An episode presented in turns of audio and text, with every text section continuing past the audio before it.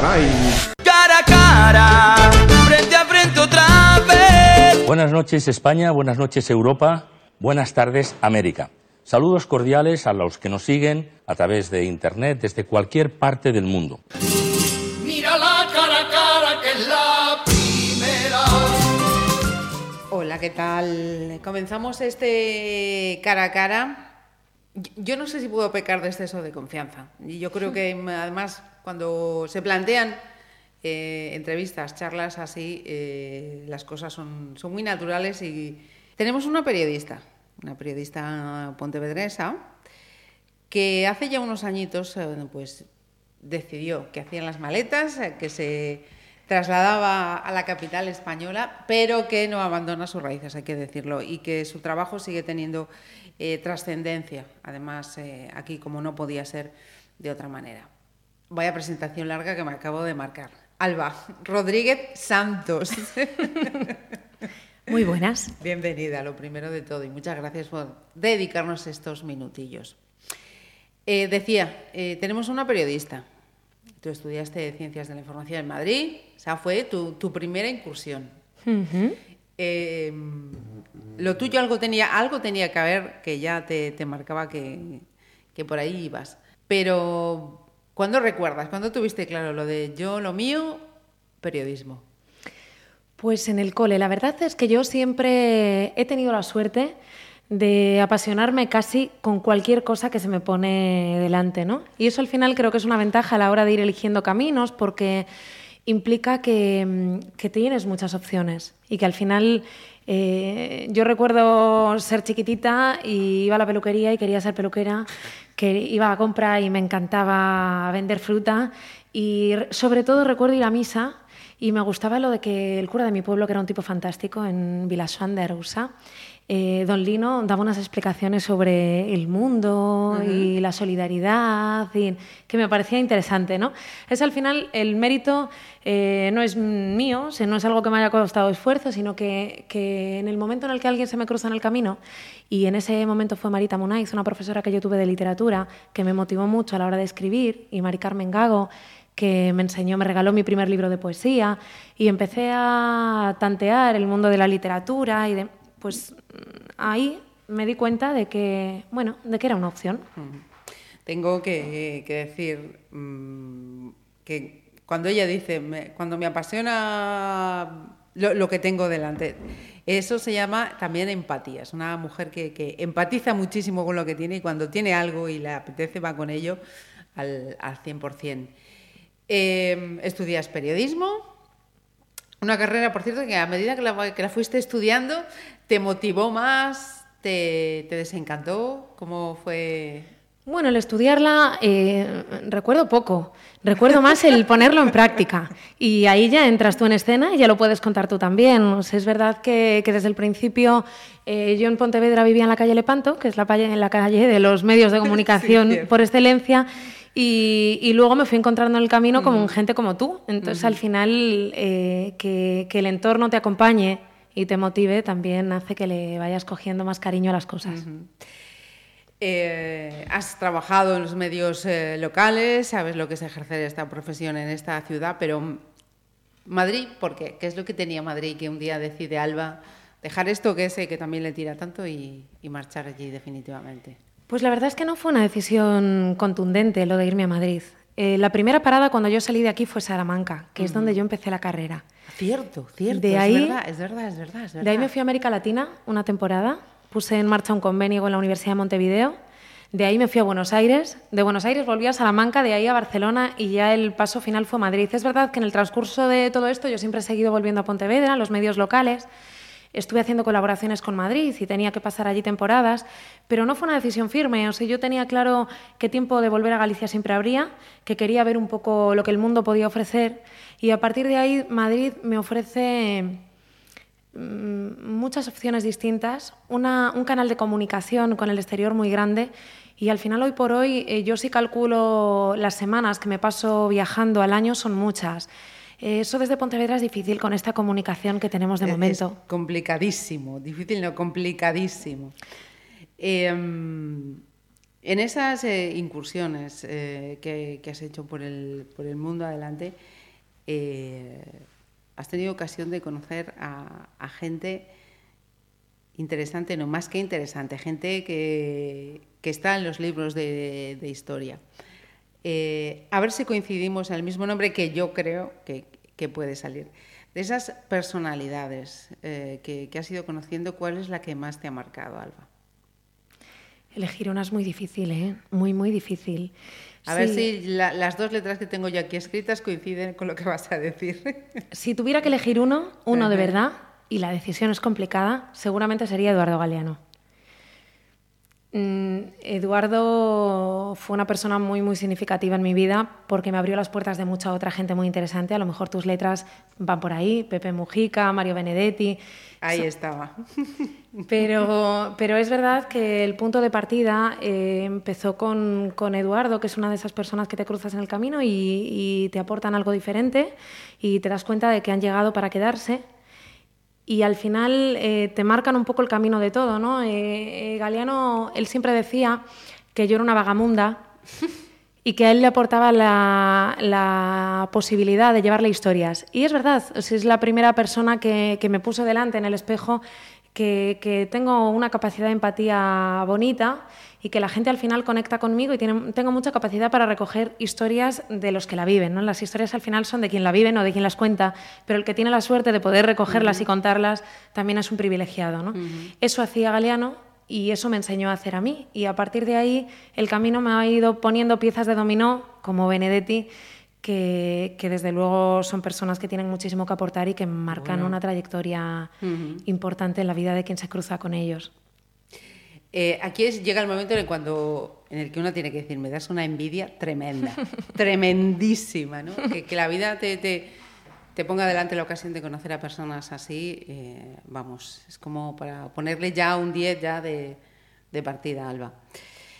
Eh, y, ya, y ya no solo eso, la, la, ocasión de conocerlas todo eso, sino eh, por lo que yo he visto también la, la, huella de alguna manera que tú también has dejado en ellos, que, que no, será fácil, ¿no? En personas así que conozcan a alguien y también les deje, les deje su impronta. Así que, chapo. Eh, nos vamos entonces a, Madrid, porque yo también quería darle protagonismo en esta charla a, a ese proyecto en el que sigues trabajando ahora con esa intensidad con la que haces tú las cosas. Eh, cuéntame, Alba, ¿qué, qué es Somos NUPA? ¿Cómo, cómo llegas? ¿Cómo... Pues mira, ahí también eh, tiene mucho protagonismo gente de esta especial que al final se va cruzando contigo. ¿no? Yo tuve la posibilidad de trabajar en, la cadena SER una temporada, en un trabajo que para mí era emocionante, no lo siguiente. Eh, eh, acababa de terminar la carrera, tenía un trabajo que me motivaba y de pronto, circunstancialmente, todo cambia y yo termino por una serie de, de casualidades trabajando en política, en, el departamento institucional, primero en el Senado y luego en el Congreso. Y la verdad es que aunque aprendí mucho, conocí gente interesantísima y que al final la gente es lo que te mueve en cada momento, eh, yo tenía claro que aquello no era para mí. Y estaba ahí en mi búsqueda, decía, madre mía, tengo 25 años y me he recorrido la mitad de los medios locales de cada ciudad por donde he pasado, estoy eh, saliendo de un programa nacional, ahora me voy a política y, y no, yo no lo tengo claro, ¿no?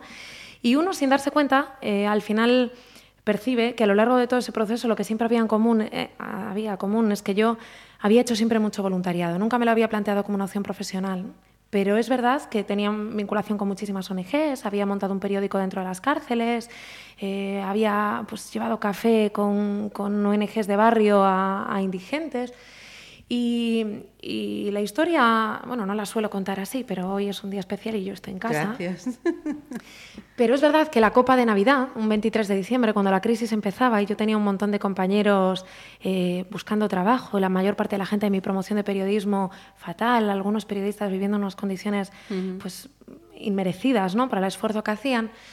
Y yo estaba como enfadada allí, viendo cómo mi vida iba mejor. Tenía un trabajo que no me motivaba mucho, pero me permitía acceder a gente muy interesante. Desayunaba muchísimo con Fraga, con el que chocaba en todo, discutía todo el tiempo, pero uh -huh. que, que, tenía una visión de... Es que va, vamos a hacer un inciso. Mm, yo... Eh, por las veces que, que charlaba con, con Alba, que, que los trabajos tampoco no nos permitían estar constantemente, pero las veces en que de eso que quedas y más o menos te pones al, al tanto, sí que es cierto que, que gracias a Alba yo mm, decía, mm, caray, eh, esta mujer no me está hablando de políticos, me está hablando de, de la cara más humana de, lo- de los políticos, que es una virtud que, que encontraba en ti, ¿no? Que, que vieras esa, esa faceta humana y no el portavoz de tal partido diciendo tal o diciendo Es que, cual. es que si no habría decapitado unos cuantos. o sea, al final, mira, yo eh, se lo decía mucho a, a Fraga, ¿no? Decía, bueno, este señor tiene aquí a tres personas trabajando con él todo el rato que o, o se va de este mundo él o se van a ir los otros tres, porque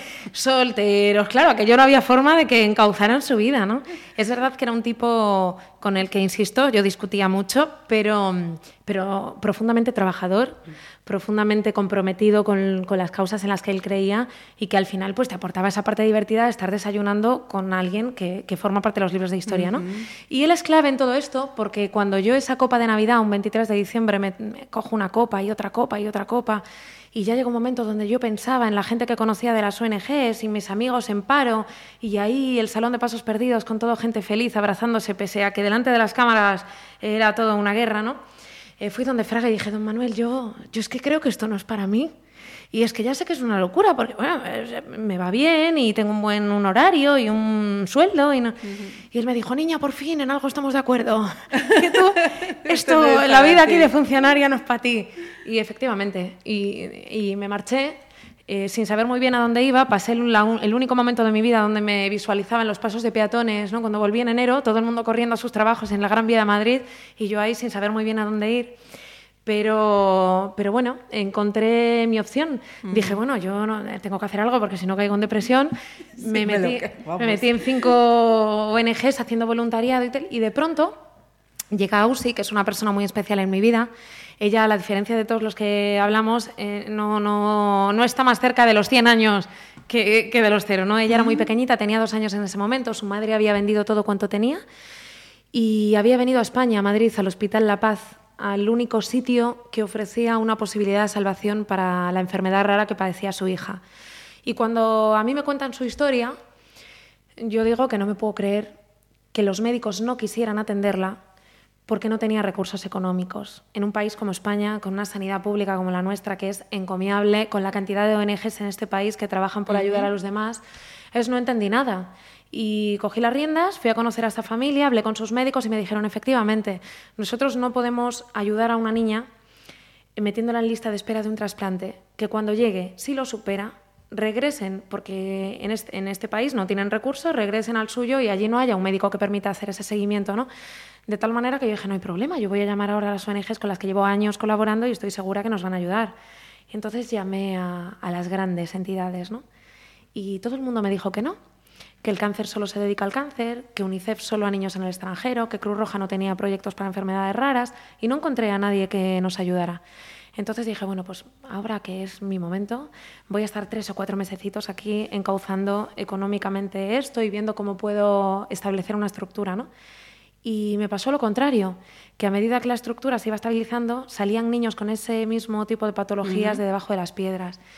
Y había niños que incluso de aquí, hay un niño de Villagarcía trasplantado siete órganos vitales, que uno de sus padres tuvo que dejarlo todo por pasar años con él en Madrid intentando una oportunidad de salvación para su niño. Y me di cuenta de eso y vi que salía del, del epicentro de la política, donde se supone que, que le ayudas a la sociedad, y venía de primera línea de los medios de comunicación, y me di cuenta de que todo esto no se sabe. Y entonces mm, hice un giro Echo mucho de menos los micros, por eso agradezco profundamente que me invitéis de vez en cuando a momentos como este. Cuando tú quieras, lo sabes.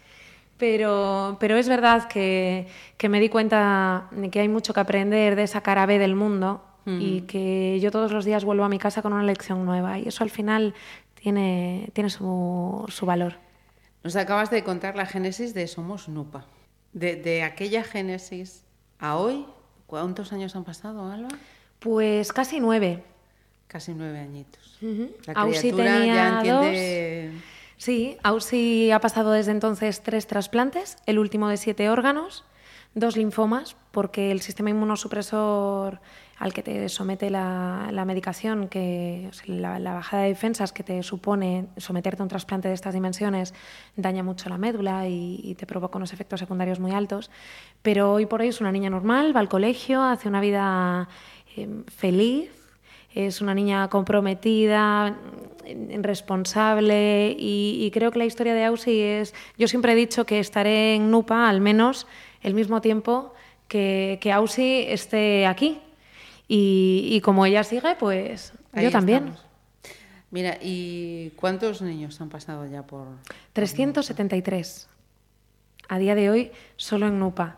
Luego es verdad que, que, bueno, ya sabes que yo no soy capaz de hacer lo mismo todo el rato eh, durante mucho tiempo, entonces he ido cogiendo otros proyectos, ¿no? También tuve esa suerte de cruzarme en el camino con el Padre Ángel de Mensajeros Eh, de la Paz. Esa, esa era, esa era otra de las, de las patas. Eh, estamos hablando, como nos decías antes, de, de niños que, que vienen de, de, de, los lugares más insospechados, ¿no? Y muchos de aquí. Un 95% de los niños de, Somos Nupa son Mm. niños españoles. Sí, ah, yo pensé que era el mayor grado de...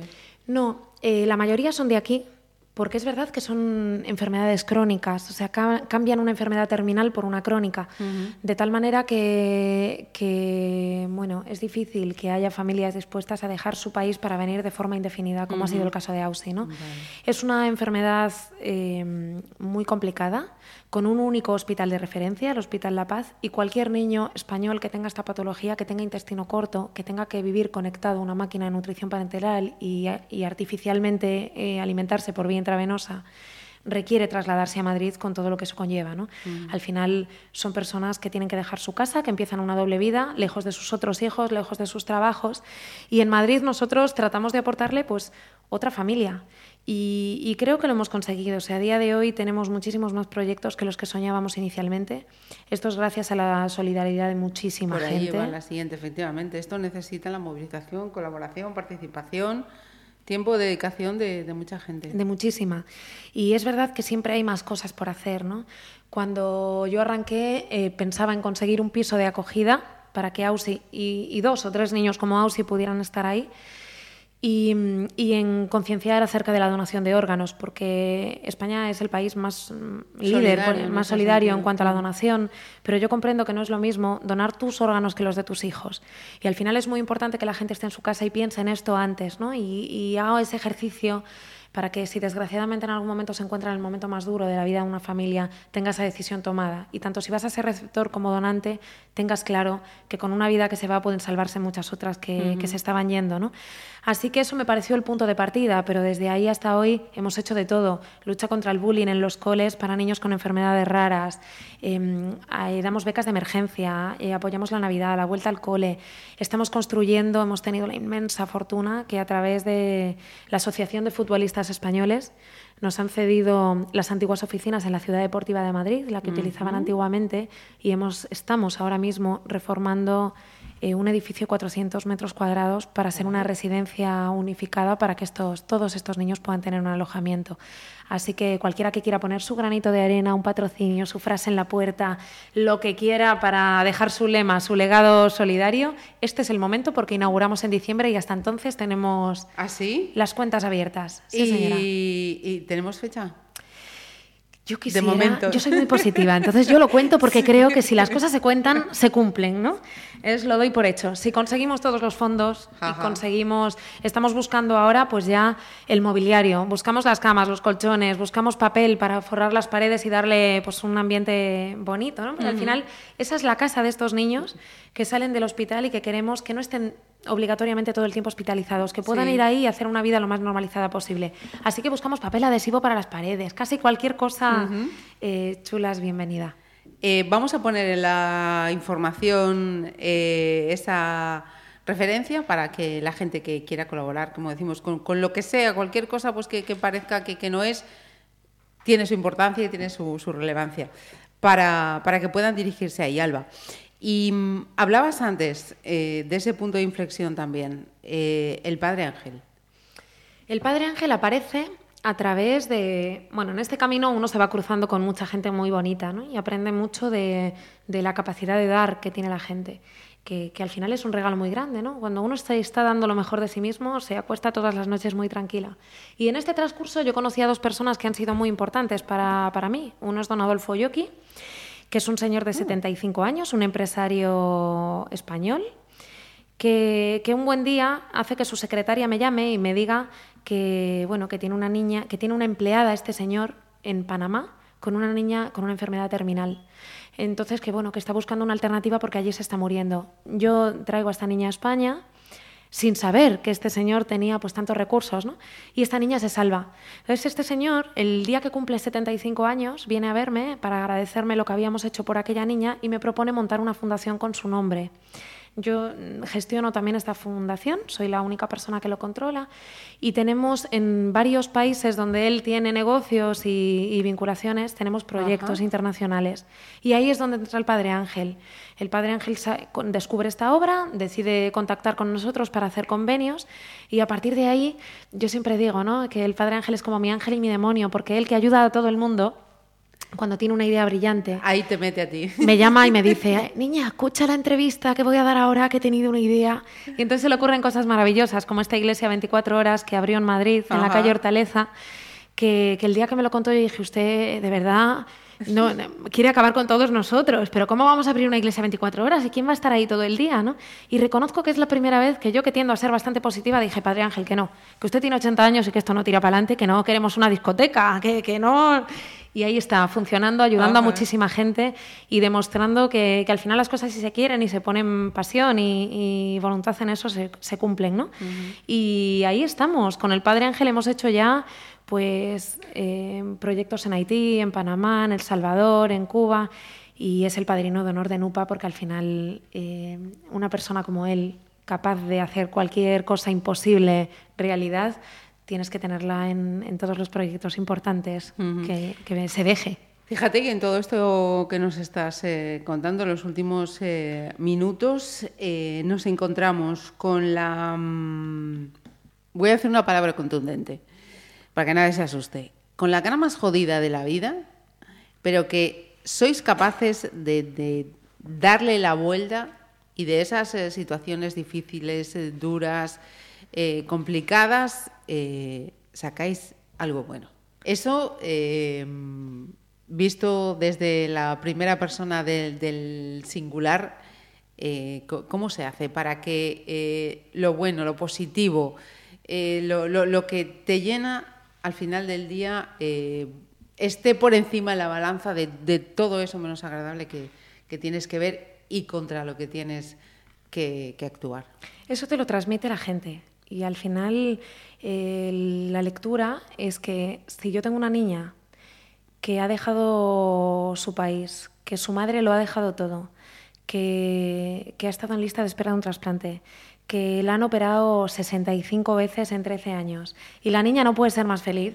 ¿Tú crees que yo tengo algún motivo en el mundo para llegar a casa y quejarme?